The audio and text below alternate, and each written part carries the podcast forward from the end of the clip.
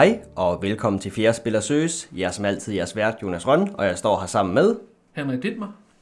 Og vikar Jakob, også kaldet Jesper. Hej Jesper, og hej Henrik. Ja, Jesper, du er lige med til denne podcast, fordi at øh, Jakob følte ikke, han havde så meget at sige, fordi vi skal snakke om Dune i dag, og Jakob havde ikke spillet så meget Dune. Og, kære lyttere, det her er en lidt speciel podcast, fordi vi skal snakke om Dune fra 2019. Og hvis du kan huske lidt længere tilbage, så har du måske hørt det navn nævnt mange gange her før i en anden podcast, hvor vi nemlig snakkede om spillet Rex Final Days of an Empire, som faktisk var det her spil Dune, men havde fået et nyt skin, fordi man havde mistet licensen. Men nu er licensen så kommet tilbage igen, så nu har man så lavet Dune 2019-udgaven, som er lidt anderledes end Dune 1979-udgaven. Lad os øh, lige så stille og roligt springe ud i det. Dune fra 2019. Henrik, hvem er det, er det er designet af? Designet af Bill Burl, Peter Kolotka og Jack Kittredge. Og Jesper, Dune-universet. Ja, vil, ja, du, øh, vil du snakke en lille smule om det? Jeg har lyst til at spørge dig først, Dietmar, hvad har de ellers designet, de tre herrer, du lige har snakket om der? Et- bedre kendt spil, muligvis. Altså, der er det meget kendte Cosmic Encounter, og så Twilight Imperium. Men er det Nå, dem? det er også dem. Det tror jeg. Ja, det mener jeg også, det er dem nemlig. Ja, Ja, okay. For jeg husker, som Cosmic Encounter-gutterne og ja, Trial Imperium-gutterne er de samme gutter. Jeg vidste faktisk ikke, de også har designet Dune i sin tid. Jo, jo. Damn. Nå, de har haft travlt. Sikke tv. Sikke tv. ja, nå. I Dune brætspillet. Det foregår rent tematisk i Frank Herbert univers Dune. Hvis du ikke er bekendt med det her univers, så er der måske meget af den her podcast, der måske virker sådan en lille smule mærkelig. Fordi vi kommer til at snakke omkring, hvordan det her spil er rigtig godt til at implementere det her univers. Så vi kommer meget til at snakke omkring det her Dune-univers. Det siger selvfølgelig også noget, at hvis du ikke kender til Dune-universet og synes, at den her podcast er lidt kedelig, så taler det måske også for, at det her spil måske klart er bedst, hvis du rent faktisk ved, hvad Dune-universet er. Vi har som sagt egentlig lavet mange af de her pointer, fordi det her er et spil, vi lidt har snakket om før, da vi snakkede om Rex, men det glemmer vi lige et lille øjeblik, og så starter vi lige helt fra bunden af. Dune er et øh, spil fra 2 til 6 spillere. Det er selvfølgelig løgn, det er cirka kun til 6 spillere, som er et asymmetrisk øh, area control game, ikke wargame, der handler omkring, at du skal sidde på nogle områder, og så skal du vinde. Det foregår som sagt i Frank Herberts univers Dune, hvor at hver person spiller en af seks forskellige fraktioner, som alle sammen har specifikke evner. Der er asymmetrien, og det er sjovt nok også meget tematisk. Det giver mening, hvis man kender Dune-universet, hvad de her forskellige fraktioner gør. Vi snakkede meget om, da vi snakkede om Rex, at øh, det her spil har et rigtig godt tema, fordi man kan genkende Dune-temaet i det. Er der en af jer, der vil prøve sådan kort at snakke omkring Dune-temaet, og altså forestil dig, at du ikke har læst noget som helst om Dune, og hvad er det her så egentlig? Jeg vil gerne prøve. Du vil gerne prøve, Jesper. Øhm, så giv det et skud. Altså, jeg, jeg er fuldstændig pjattet med Dune, øh, og det er på trods af, at jeg faktisk ikke har læst særlig mange af bøgerne. Øh, originalt så er Dune jo baseret på øh, Frank Herberts øh, roman fra 1966, tror jeg, det er. En øh, klassisk science fiction epos, der så siden det har fået op til flere fortsættelser, øh, hvor jeg har læst den første af Frank Herberts originale fortsættelser, cirka halvdelen af dem, fordi jeg synes ikke umiddelbart, at den er så vellykket. Men han har skrevet fem romaner, og så har hans søn så fortsat i en uendelighed og skrevet, der er vist i hvert fald over 20 Dune-romaner, vil jeg tro. Okay. Og anden grund til, at jeg er så fuldstændig pjattet med det, det er også lidt fordi, jeg er så vokset op med det egentlig. Fordi at øh, en af de første computerspil, jeg nogensinde spillede, det var faktisk Dune 2 til øh, DOS, jeg købte den engang. En af de første RTS-spil, øh, som har meget lidt med det samme univers at gøre. Men helt kort, for at forklare Dune-universet, det er lidt, hvis vi forestiller Game of Thrones i rummet, så er det ikke helt ved siden af.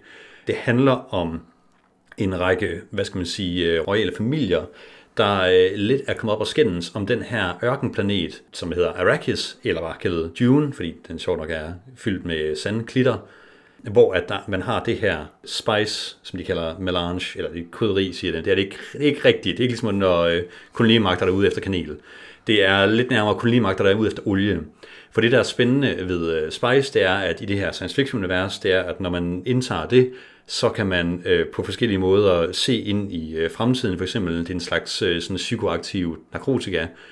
Det er lidt svært at forklare, men det gør basically, at der er det her, øh, det her der hedder The Spacing Guild, som formår at øh, folde rum, kalder de det, som så gør, at man kan rejse fra den ene side af galaksen over den anden side, og så ligesom øh, hele den intergalaktiske handel fungerer ligesom ud fra det her øh, spice.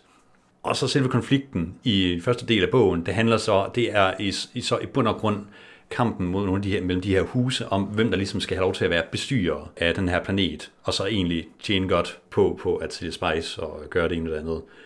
Basic setup. Der er den her planet, der er de her spice, og der er de her familier, der er ude efter det. Og så selvfølgelig rigtig vigtigt, så er der også de her kæmpe store sandorme, som øh, prominent er på øh, covers til næsten alt Dune-materiale, fordi de er ret seje, som der sådan er lidt af dem, der udskiller øh, eller sådan producerer spicet i det her, øh, det her økosystem, der er på planeten, og som er pishammerende farlige. Jeg tror, vi tænker det som, det er lidt Game of Thrones sci-fi, med forskellige huse, du skal slås om. Henrik, har du lyst til at snakke lidt omkring de her forskellige huse, og lidt sådan, hvad de på en eller anden måde gør i det her spil? Ja, altså først og fremmest så har vi jo de to adelshuse, som er sådan, det er sådan der prominent sådan der i, i starten af første bog. Det er øh, Atreides-familien, og det er Harkonnen-familien. Atreides har det her med, at de har limited foresight. Det siger, at når der er en øh, auktion øh, på forskellige kort, så er det dem, der får lov til at se, hvad kortet er. Så kan man selvfølgelig bestikke dem og alt sådan noget. Og de har så også det her med, at, altså i, at når de er blevet næsten udryddet, så uh, får de Kwisatz Haderach, som er dybest set, at man bliver en, en ørkenprofet. En superkriger. Ja, og hvis, hvis du ved, hvis skæbne er et indtag galaksen og alt sådan noget. Og så har vi så Harkonnen. De er så uh, lidt the bad guys i historien, hvor de så er ja, nogle forræderiske røvhuller, og det er repræsenteret i, at normalt så har man, alle folk har en traitor, som man kan spille, hvis man er op imod dem i kamp. Men de har så fire af dem. Og de har rigtig mange treachery kort. De er små, og de er sneaky, og øh, prøver så at indtage strongholds på den måde. Så har vi The Emperor, som er lidt interessant, fordi det for det første er et økonomisk powerhouse. De får alt den spice, man betaler for at købe de her treachery-kort. De starter så også med ikke rigtig at være på brættet. Til gengæld så har de både den største her, og de har de her Sardaukar, som er elitesoldater, som ligesom tæller for to. Så de har, kan have potentiale for at få en kæmpe stor her. Så har vi Bene Gesserit, som er de her også øh, psykiske hekse, som for det første har forudset, hvem der kommer til at vinde. Det vil sige, hvis de har ret i, at hvem de tror kommer til at vinde på en bestemt tur, så er det faktisk dem, der vinder. Og for det så er det det her med, at de faktisk, når, de, øh, når nogen deployer ind på planeten, så får de også lige lov til at placere en af deres egne folk med som, øh, som diplomater. Og de vælger så dybest set selv, hvornår de vil slås. Så har vi Fremen, der er ret mange af dem. Man kan ikke slå dem ned. De bliver ved med at komme. Det er de her ørkenfolk, som, øh, som er ligesom øh, de indfødte på Arrakis. De betaler ikke enten sender meget spice for at slås, eller for at komme ind på brættet, eller de, de pumper dybest set bare med ind. Og de har en speciel win condition med, at hvis bare de har to steder i slutningen af spillet, så, øh, så vinder de. Det skal være to bestemte steder. Så har vi The Spacing Guild. Det er så dem her, som kan fold space, rejse igennem øh, tid og rum. Ja, egentlig mest bare rum. Og de øh, har det her med, at de får så penge, hver gang folk deployer derind, de vælger selv, hvornår de deployer ind på planeten, og Spacing Guild vinder så i slutningen af spillet, hvis der ikke er andre, der vinder.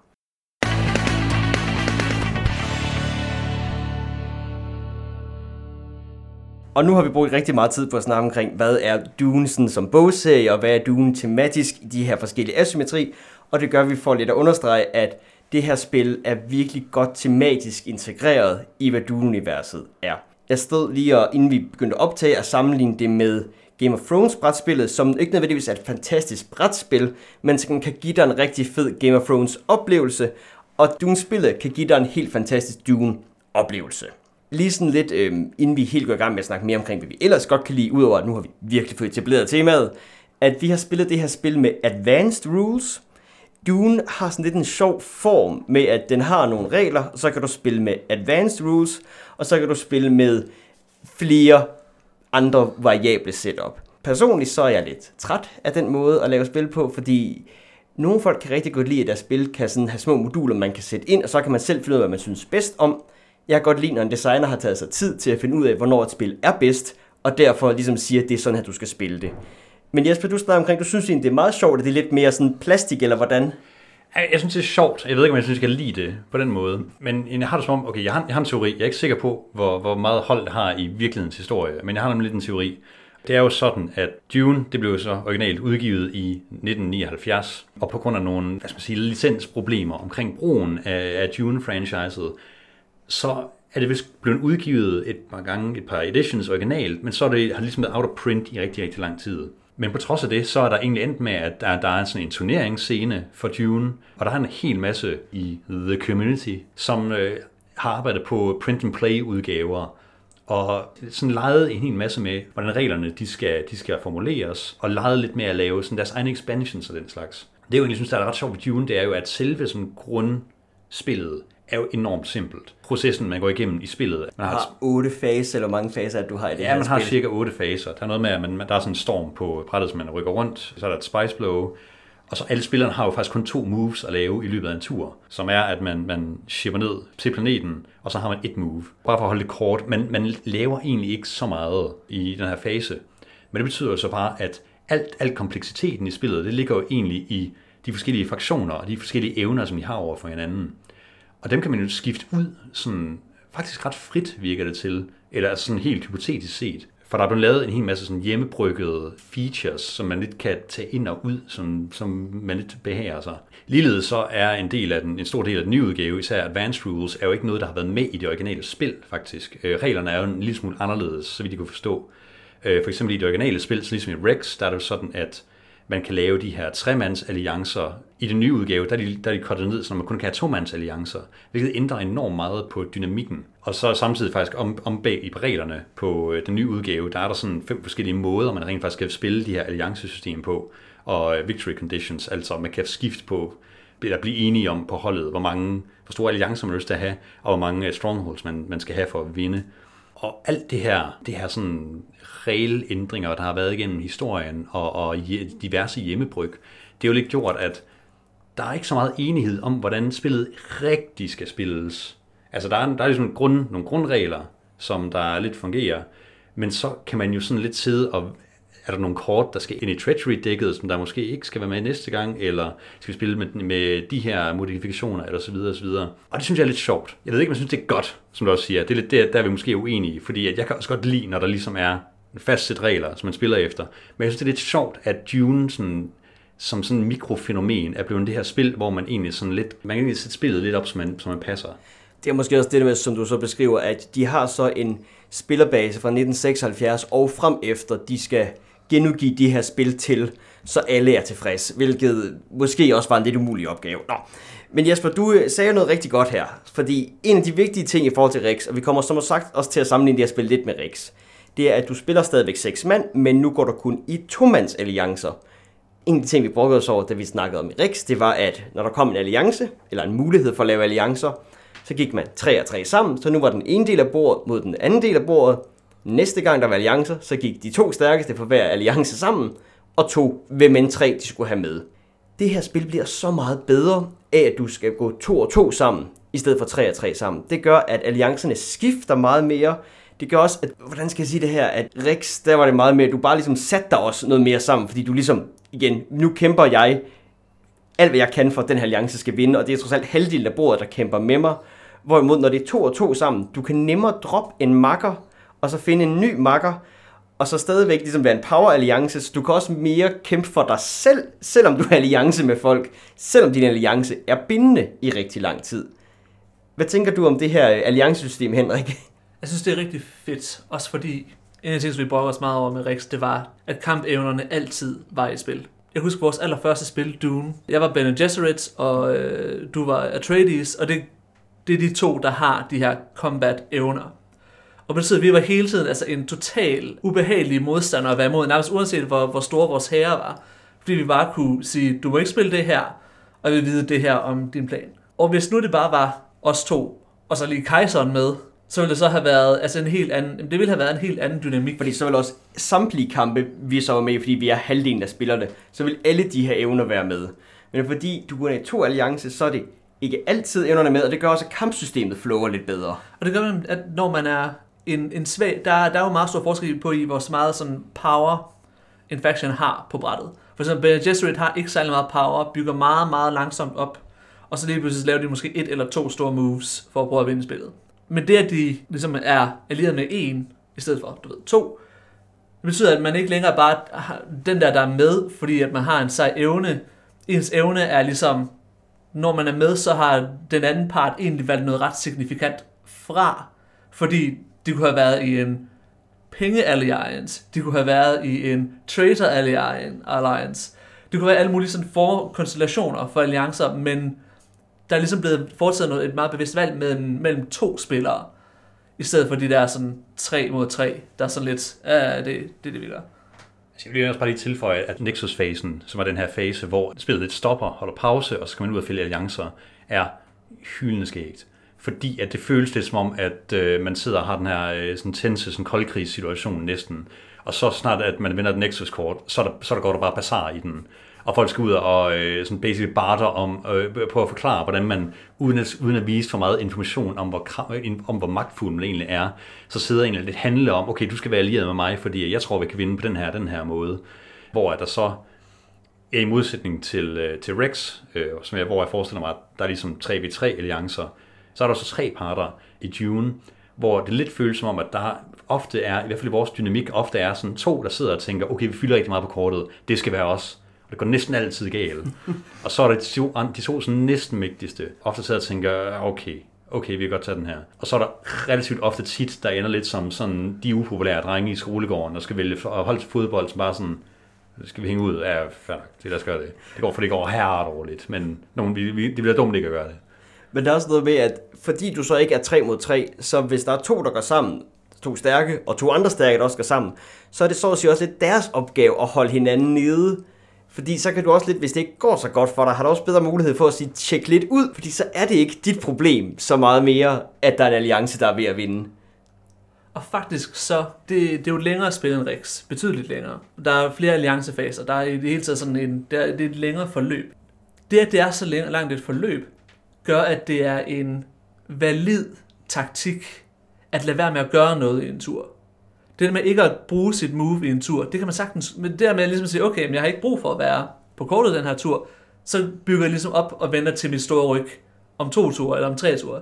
Det er meget mere valid move, end det er i Rex, hvor hvis man ligesom bruger det her move som ligesom bagud i ens action-økonomi. Ja, Henrik, og nu du så snakker om øh, længden af spillet, så skal vi selvfølgelig også snakke omkring en ting, der er lidt mærkelig ved Dune. Og igen, det her, som hvis du kan huske vores Rex-podcast, så snakkede jeg lidt omkring, at Rex virkede til at have noget lidt gammeldags design. Og når du siger, at Dune er meget længere end Rex, Ja, det kan det være. Det... Men, men Dune har den der mærkelige idé med, at Dune kan vare 10 ture, og så er der som sagt nogle folk, der vinder by default, hvis vi når til tur 10, og der ikke er sket noget. Vi havde også et spil for nylig, hvor vi sluttede tur 4, og så havde vi sat en hel dag af til at spille det her, og efter tur 4, så gik jeg hjem. Og det havde taget, jeg ved ikke, fire timer mindre nærmest, altså hvis ikke, det er ikke en overdrivelse det her, de, der bliver nikket rigtig meget i studiet. Det tog fire timer mindre, end vi havde regnet med, det skulle tage. Og det laver man ikke så mange spil, der gør i dag på den måde længere. Nej, der var, der var bred enighed om, at det var en skuffelse et eller andet sted. Øh, men det var så i spillets natur. Det er, sådan, det, det er jo et wargame-problem, fordi der er rigtig mange wargames, hvor altså, når man sætter sig ned og spiller Virgin Queen, så ved man faktisk ikke rigtigt, om man spiller et, et 6 timers spil eller et 12 timers spil. Eller når man spiller Pericles, så ved man heller ikke, om man spiller noget, der tager, ja, hvad hedder det, tager 10 timer, eller om det er noget, der lige bliver klaret på en time. Men når vi så snakker omkring, spillet er langt, fordi hvor lang tid tager det at spille Dune? Hvis jeg siger 6 timer, lyver jeg så? Nej. Kassen siger 2 timer. Jamen, kassen lyver for dig, men det, det har vi allerede sagt. Du skal heller ikke spille det her spil to personer. Jeg kan ikke spille det to timer. Det er ikke det værd. det nej, men som sagt, øh, som Henrik snakker rigtig vil gennemgive faxene, at der er Spicing Guild, som vinder spillet efter tur 10, hvis ingen andre har vundet. Med mindre at Fremen vinder tur 10, hvis de opnår en speciel win condition, eller Bene Gesserit kan vinde, hvis de har sagt, at nogen skal vinde i tur 9. Der er nærmest tre ud af de her seks funktioner. Nu overdriver jeg en lille smule som kan have interesse i, at det her spil endda skal trække ud, endda trække fuldstændig ud. Det ved jeg heller ikke at være sådan en kæmpe fan af, fordi igen, spillet er langt nok i forvejen. Vi behøver ikke at have fraktioner, der virkelig stræber på at nå til enden af det her. Jeg synes faktisk, det er en styrke i Dunes design, at det er sat sammen på den måde. Fordi det gør, at spillet ikke bare bliver en altså et, et, et rush efter de der fire strongholds sådan igennem hele spillet. Og det gør faktisk, at jeg tror faktisk lidt, at det at, for eksempel, jeg, jeg spillede Space Invaders sidste gang, og det var der, hvor vi enormt kunne blive færdige, og det var en årsag til, det var fordi, jeg vandt, hvis spillet trak helt ud. Fordi det, at jeg ligesom havde den der consideration, så tænkte jeg, ah nej, så behøver jeg jo ikke sætte enormt mange styrker ind lige nu. Jeg regner bare lige med, at, at Atreides, de vinder en af deres kampe. Så står jeg rigtig, rigtig godt i det. Og så, så ser det rigtig, rigtig fedt ud for mig. Og det gjorde så, at jamen, han selvfølgelig ikke vandt de her kampe, og spillet pludselig stoppede. Og det gør faktisk, at man kan ligesom lave de her sådan pseudo-kalkulerede risici, der går fuldstændig galt. Jeg tror også i forhold til det, som du siger, for du snakker godt om det, det kunne du også godt lide, da vi sad i spillet. Jeg tror bare, jeg lærte efterhånden, at det er heller ikke så meget min playstyle. Den der med at sidde for meget tilbage, det bryder jeg mig ikke så meget om. Det er så også det, at Dune har mange forskellige fraktioner. Hvis du kan huske, da vi snakkede Rex, der snakkede vi om universitetet, var super kedeligt, og der skete ikke noget, når du spillede universitetet. Vi har været så spillet Dune en del gange. Tre gange, og så et par spil Rex også i hvert fald. Så sådan, jeg føler efterhånden, at jeg spiller de her spil nok. Og der er simpelthen nogen, der elsker de her meget langsomme fraktioner, som ikke har de vildeste play hele tiden, men som laver nogle store plays en gang imellem. Så det er nok mere en personal preference, at jeg ikke bryder mig så meget om, at det her spil har fraktioner, der går efter at trække ud. Jeg havde bare tænkt alligevel tilføje til The Spacing Guild. Altså det første, det er jo, at det spiller lidt ind i hånden på, på selve sådan asymmetri-designet et eller andet sted, at, at der er nogle fraktioner, der har så anderledes uh, victory conditions et eller andet sted. Og det synes jeg var skide sjovt i sig selv. Fordi jo mere, mere asymmetri, det er bedre i mit hoved, bare fordi det er ofte sjovt. Det andet er jo, hvis man skal være helt fair, jeg tror Spacing Guild uh, victory condition også lidt er sådan en, okay, vi spiller til tur 10, og der er ikke nogen, der har vundet endnu. I stedet for at kalde det en draw, så siger vi bare, det er dem, der vinder. Men det er sjovt, fordi det er også lidt det, som deres, øh, deres fraktion er designet imod, fordi det, som der er Space Guild speciale ting, det er, at de bestemmer selv, hvornår på turen de gerne vil, øh, vil, vil lave sit move. Så de kan jo hypotetisk set vælge for eksempel at sige, okay, jeg ser lige, hvordan andre spiller det. Og hvis nogen er tæt på at vinde, okay, så har jeg mit move til allersidst, og så er det der, jeg ligesom jeg spiller Kingmaker og sørger for, at der ikke er nogen, der kan vinde. Så sidder jeg baghold altid. Og den sidste ting, jeg vil sige, det er også tematisk relevant. Fordi at uh, Spacing Guilds interesse, det er jo, at der er ikke nogen, der skal kontrollere Dune. Spice must flow. der er ikke nogen, der skal have monopol. Nogen skal slås om det. Sjovt, at du nævner slåskamp. Haha, sikke en segway. Fordi i sin tid, da vi snakkede om Rex, og vi skal nok også lige nævne det her i Dune, det er det her kampsystem.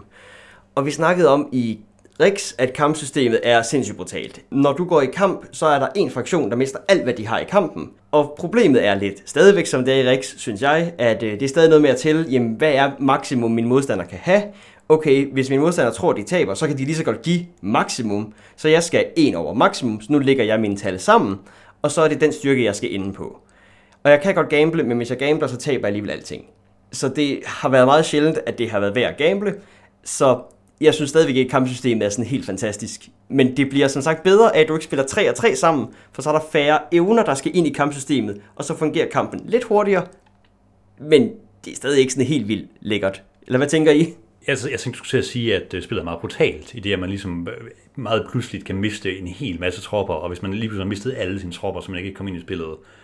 Combat-systemet generelt er sådan et punkt, hvor at øh, Dune lidt viser sine rynker frem to be fair, vi lever jo i en øh, post-Eurogame-æra, hvor at uh, når man går ned til brætspil, skal bare rigtig hygge sig. Der er ikke nogen, der skal have lov til at blive slået ud. Dune tager den sentiment og river hovedet af den, fordi at i Dune, der kan du godt blive slået ud.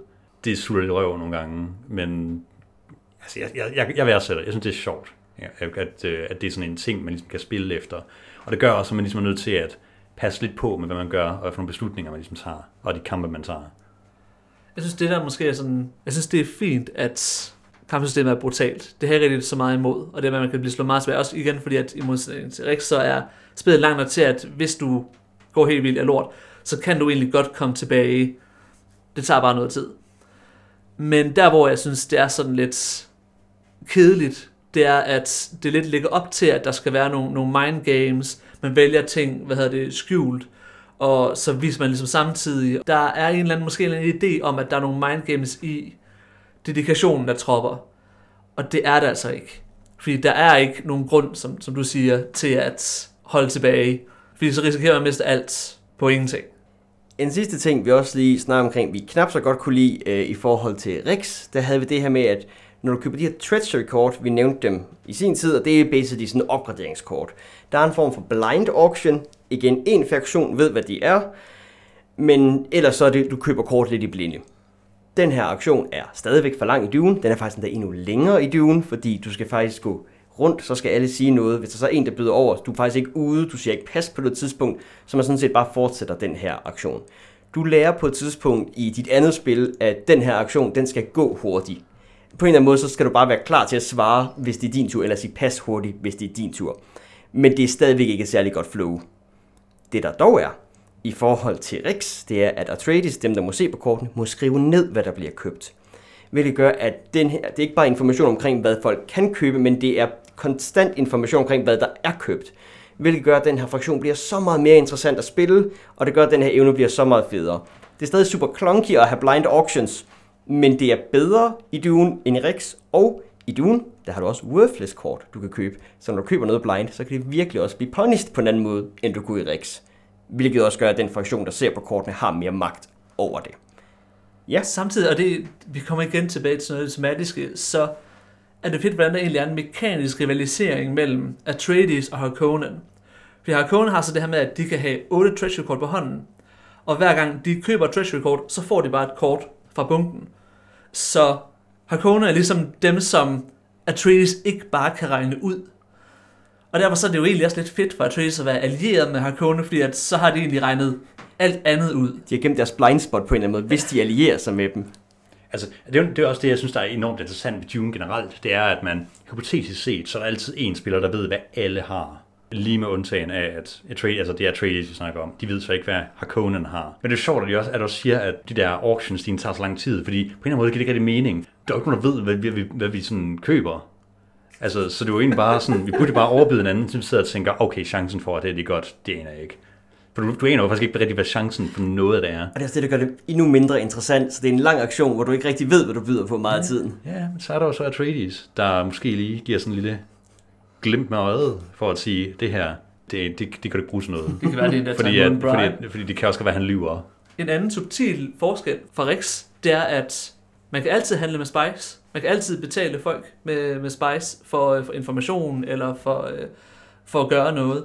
Man får så godt nok først pengene i slutningen af turen, men i modsætning til Rex, hvor man kun kan gøre det i alliancefaserne, så gør det ret meget, at man ligesom kan, man kan faktisk betale, nu vil jeg sige universitet, man kan faktisk betale Atreides for at for den information, som det har.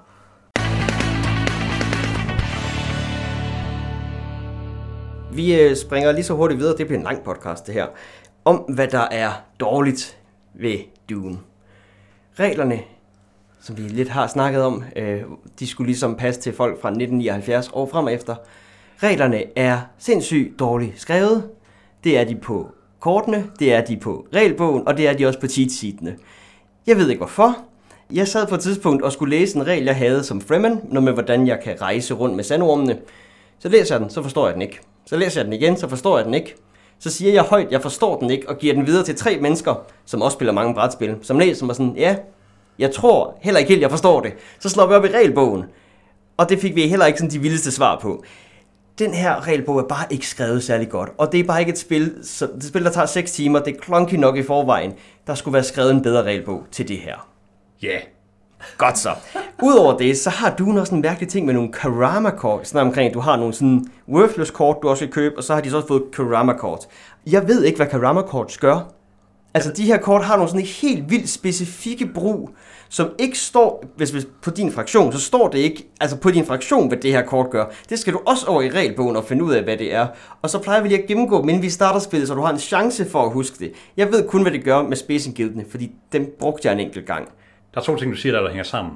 Det er jo for det første, at, ja, at alle, alle powers har sådan et one-time use af deres karma kort, som de gør en gang i spillet. Og det er jo der, at det står i regelbogen, hvad de fem forskellige uses er. Ben Gesserit har ikke nogen, nogen special ting øh, til gengæld, men de fem andre fraktioner har. Men de står i rebogen. De står ikke på player aids. De står ikke rigtig nogen andre steder. Så det meste af tiden, der tænker du ikke rigtig over, at du har dem. Selvom de kan være sådan sindssygt game breaking. Og altså virkelig nogle vilde power moves hertil. Men udover det, så er det en lille smule, altså lige, lige, lige præcis med den ting, der, der er jeg enig.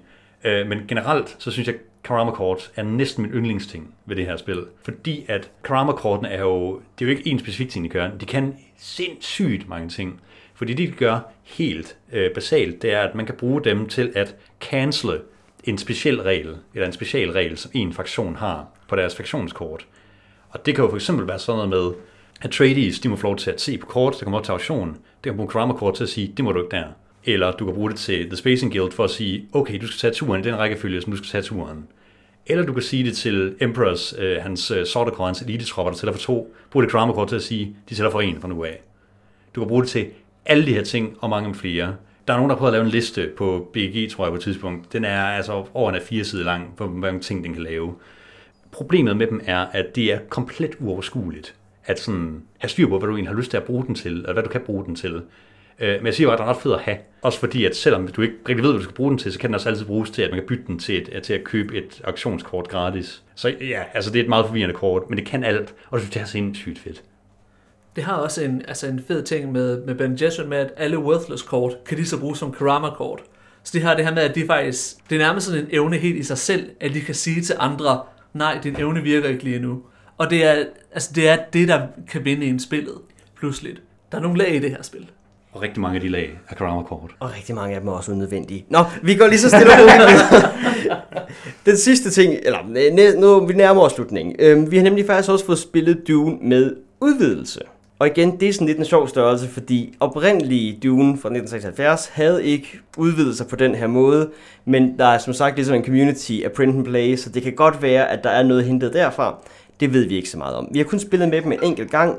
Udvidelsen giver to nye fraktioner, og nogle flere kort, du kunne putte i dit treasury deck. Altså det er jo her, hvor at sådan house rules af Dune kommer ind i spil.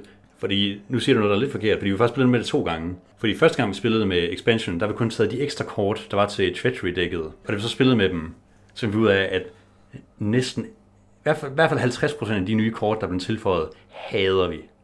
Der er virkelig blevet introduceret nogle lorte mekanismer til Dune, som vi i vores tredje spil har bare taget ud igen. Og det er jo så der, hvor vi lidt har taget nogle house rules, og ligesom selv valgt, hvad for nogle kort vi skulle have med. Vi, vi sad jo faktisk og havde en diskil diskussion om det, hvor vi tog sådan hvert kort op for sig. Jeg skal spille med det her, jeg skal spille med det her, jeg skal spille med det her. Der var den nej til de fleste. Det andet er, at der så er der to nye fraktioner. Og det er jo så der er det lidt mere spændende, fordi at for det første, ja, jeg tror, der er nogen, der har, må have lavet dem her tidligere. Fordi som sagt, der er lavet rigtig mange fraktioner. Der er også lavet andre udgaver af, den, af de samme fraktioner, som man kan finde på BGG eller på andre steder. Men bare for at holde det kort. De to, der er tilføjet her, det er dem, der hedder Det er et virkelig mærkeligt navn. Tlalaxu, som i, de er sjovt nok ikke med i den første roman, Frank Herbert, så hvis er gået ved det er, så meget forståeligt. De er med i uh, nummer to nemlig, og det er dem, der uh, de styrer sådan de her uh, Goda tanks, øh, som er dem, man bruger til sådan at revive ting, men de, de laver kloner, basically. Og så er der Exians, som er en planet, der er god til at lave teknologi. Øh, det er basically en planet, der er Apples hovedkvarter, altså jeg lidt forstår det. Og det sjove ved dem er, at da jeg sad og læste reglerne til dem, og sådan ligesom så på, hvad de kunne, der sad jeg med det samme og tænkte, de her, de er jo komplet bullshit, langt der vejen. Men vi prøvede jo så at spille med dem. Det var så det spil, hvor vi kun kom til tur 4, så det var lidt som om, vi ikke rigtig nåede at komme helt ind i sådan kernen af det hele. Især med Talaxo, fordi det som Talaxo kan, det er, at de basically bruger deres traderkort til, at øh, hvis der er nogen, nogen som helst sted på mappet, hvor at de har et traderkort på den leder, som bliver spillet, og vedkommende vinder, så må de basically tage alle vinderens tropper, smide dem ud i rummet igen, og bytte dem ud med deres egne tropper. Og det hader jeg lidt. Sådan ideen ved det, fordi det er sådan, det er sådan den måde, de kommer på brættet, fordi de starter heller ikke med at have nogle penge. Og det, jeg hader lidt ideen om, at det er bare sådan en, en faldgruppe, man ikke rigtig kan forudse på nogen måde, eller noget som helst. Og det er sådan deres gimmick. Det der er jo lidt interessant, det er sådan, hvordan kan det være, at det ikke rigtig fungerer sammenlignet med traderkort? For traderkort er også ret random. Man får fire og vælger en. Men det, som jeg lige sådan tænkte på, det er for eksempel, altså Harkonnen er jo trader-faktionen. Og det der er lidt sjovt med, at der er ret mange nuancer i deres, hvad kan man sige, spilstil ved, at man kan egentlig lidt deducere næsten, man kan næsten deducere ud fra, hvem de allierer sig med, eller hvordan de opfører sig, når der bliver proposed en alliance med dem, hvem de har som traderkort. Fordi jeg synes ofte så, i hvert fald den gang, hvor jeg har spillet, den gang, hvor jeg spillede Harkonnen, der kan jeg huske, at, at Atreides spurgte, om vi skulle være allierede. Og jeg sad med tre Atreides trader på hånden, og jeg var sådan, og jeg, jeg, jeg frøs, og jeg, og jeg var sådan, hvis jeg bare så sagde nej, så havde jeg nok tænkt, hmm, der er et eller andet der. Samtidig, hvis jeg sagde ja, og var faktisk kom i en alliance, så ville jeg pludselig sådan nærmest have en ubrugelig evne. Også fordi, at så ville han spørge, hey, hvad for en trader har du? Så vil jeg sige, hold kæft. Ja, så en lille smule opsummering omkring den her udvidelse. Hvad den hedder egentlig? Hedder den bare... Den, den hedder Ixians og Talaxu. Skal jeg lige, skal jeg lige fortælle om, hvad Ixians kan? For de kan en ting, jeg synes, der er spændende nok at snakke om. Det er, at de har et uh, Hidden Fortress, eller hvad de kalder det, et Stronghold. Som er sådan en lille brik, som der flyver rundt på brættet. Så kan den suge spice op, og den, den fungerer som et Stronghold. Men, men det, der er sjovt ved det, det er, at den, den fungerer som en Stronghold. Den kan tæller for et ekstra point for at øh, ligesom vinde spillet. Og det synes jeg er skide sjovt. Især fordi, at de gange, vi har spillet Dune med helt almindelige regler, så har det undtagen den her gang, hvor vi, hvor vi nåede til tur 4, så er det lidt trykket ud. Fordi når man kommer sådan ind i midtgamet, så er det rigtig svært at lukke spillet. Øh, og rent faktisk, som Alliancen lå, at få de der fire strongholds. Når man spiller med Ixians, så er der et stronghold ekstra i spil. Og det var jeg ret interesseret i at spille med, altså bare fordi, at det ændrer utrolig meget dynamikken. Altså, hvordan, hvordan man spiller, og hvad man har lyst til at alliere sig med, fordi at Ixians for det meste er, står ret svagt, men, men de har altid deres stronghold. Det er sjovt. De kommer med en bonus. Jeg prøver at opsummere lidt, eller jeg prøver at opsummere mine følelser omkring i hvert fald udvidelsen her, at hvis du virkelig godt kan lide Dune, altså hvis du synes, det her det lyder spændende, og hvis du kender Frank Herberts univers, jeg tror, vi er lige så stille ved en afrunding. Jeg kan godt lide Dune også. Men jeg tror, du skal spille meget Dune, før jeg måske synes, at det er værd at sådan tage den her udvidelse med. Ja, ja, vi nu har spillet med, den, med elementer af den to gange. Jeg synes ikke, det er værd at tage udvidelsen med. Jeg er glad for, at den eksisterer, fordi den nu har den givet os oplevelsen af, at man kan sidde og lave, lave sådan homebrews af Dune. Men der er næsten ikke noget af det, jeg faktisk synes er godt. Det synes jeg er en god måde at sige det på, så. Så måske øh, køb Dune, og så lad være med at øh, købe udvidelsen. Print dine egne factions. Lav dine egne factions. Det er ligesom Lego. Kom du. Du gøre, hvad du vil med det. Ja, som sagt, vi har spillet ja, Dune tre gange, og det er altså tre hele dags spil, og jeg har synes alle tre spil har været rigtig sjove. Så jeg har ikke fortrudt, at jeg har spillet Dune på noget tidspunkt. Jeg stod der så lidt i en situation, hvor jeg overvejede, skal man virkelig anbefale det her spil til nogen? Altså, du skal i hvert fald virkelig have lyst til at sidde og spille brætspil rigtig længe. Men du skal nok også gerne lidt kende Frank Herberts univers, fordi den meget fede tematiske integration i det her spil, og hvad de forskellige factions gør, bliver båret af, at du måske har en idé omkring, hvad Dune er. Du kan sikkert stadig godt underholde dig med det, men ligesom at Game of Thrones-spillet går fra at være okay til at være rigtig godt, eller hvad man lige skal sige det, så går Dune i hvert fald også fra at være fint til at være godt af, at du kender Frank Herberts univers. Er I enige med mig med det? Ja. Yeah. Thank you. Det sidste, vi lige skal sige, inden vi lukker helt af, og det var fordi, da vi i sin tid snakkede om Rex, der havde vi også lige spillet rigtig meget Root. Og der sagde vi, at du skal nok ikke spille Rex, fordi Rex er bare lige sådan lidt længere end Root er, og det er i hvert fald ikke lige så sjovt som Root er, og det er begge to factions med asymmetri, så egentlig bare spil Root i stedet for Rex. Jeg tror ikke, jeg vil sige, at du bare skal spille Root i stedet for Dune. Og det er ikke fordi, at jeg nødvendigvis tænker, at Dune er et bedre spil. Men de her to spil er faktisk bare så forskellige. Igen fordi, at Dune lidt mere embracer at være et lidt ældre spil, der kan tage lidt længere tid.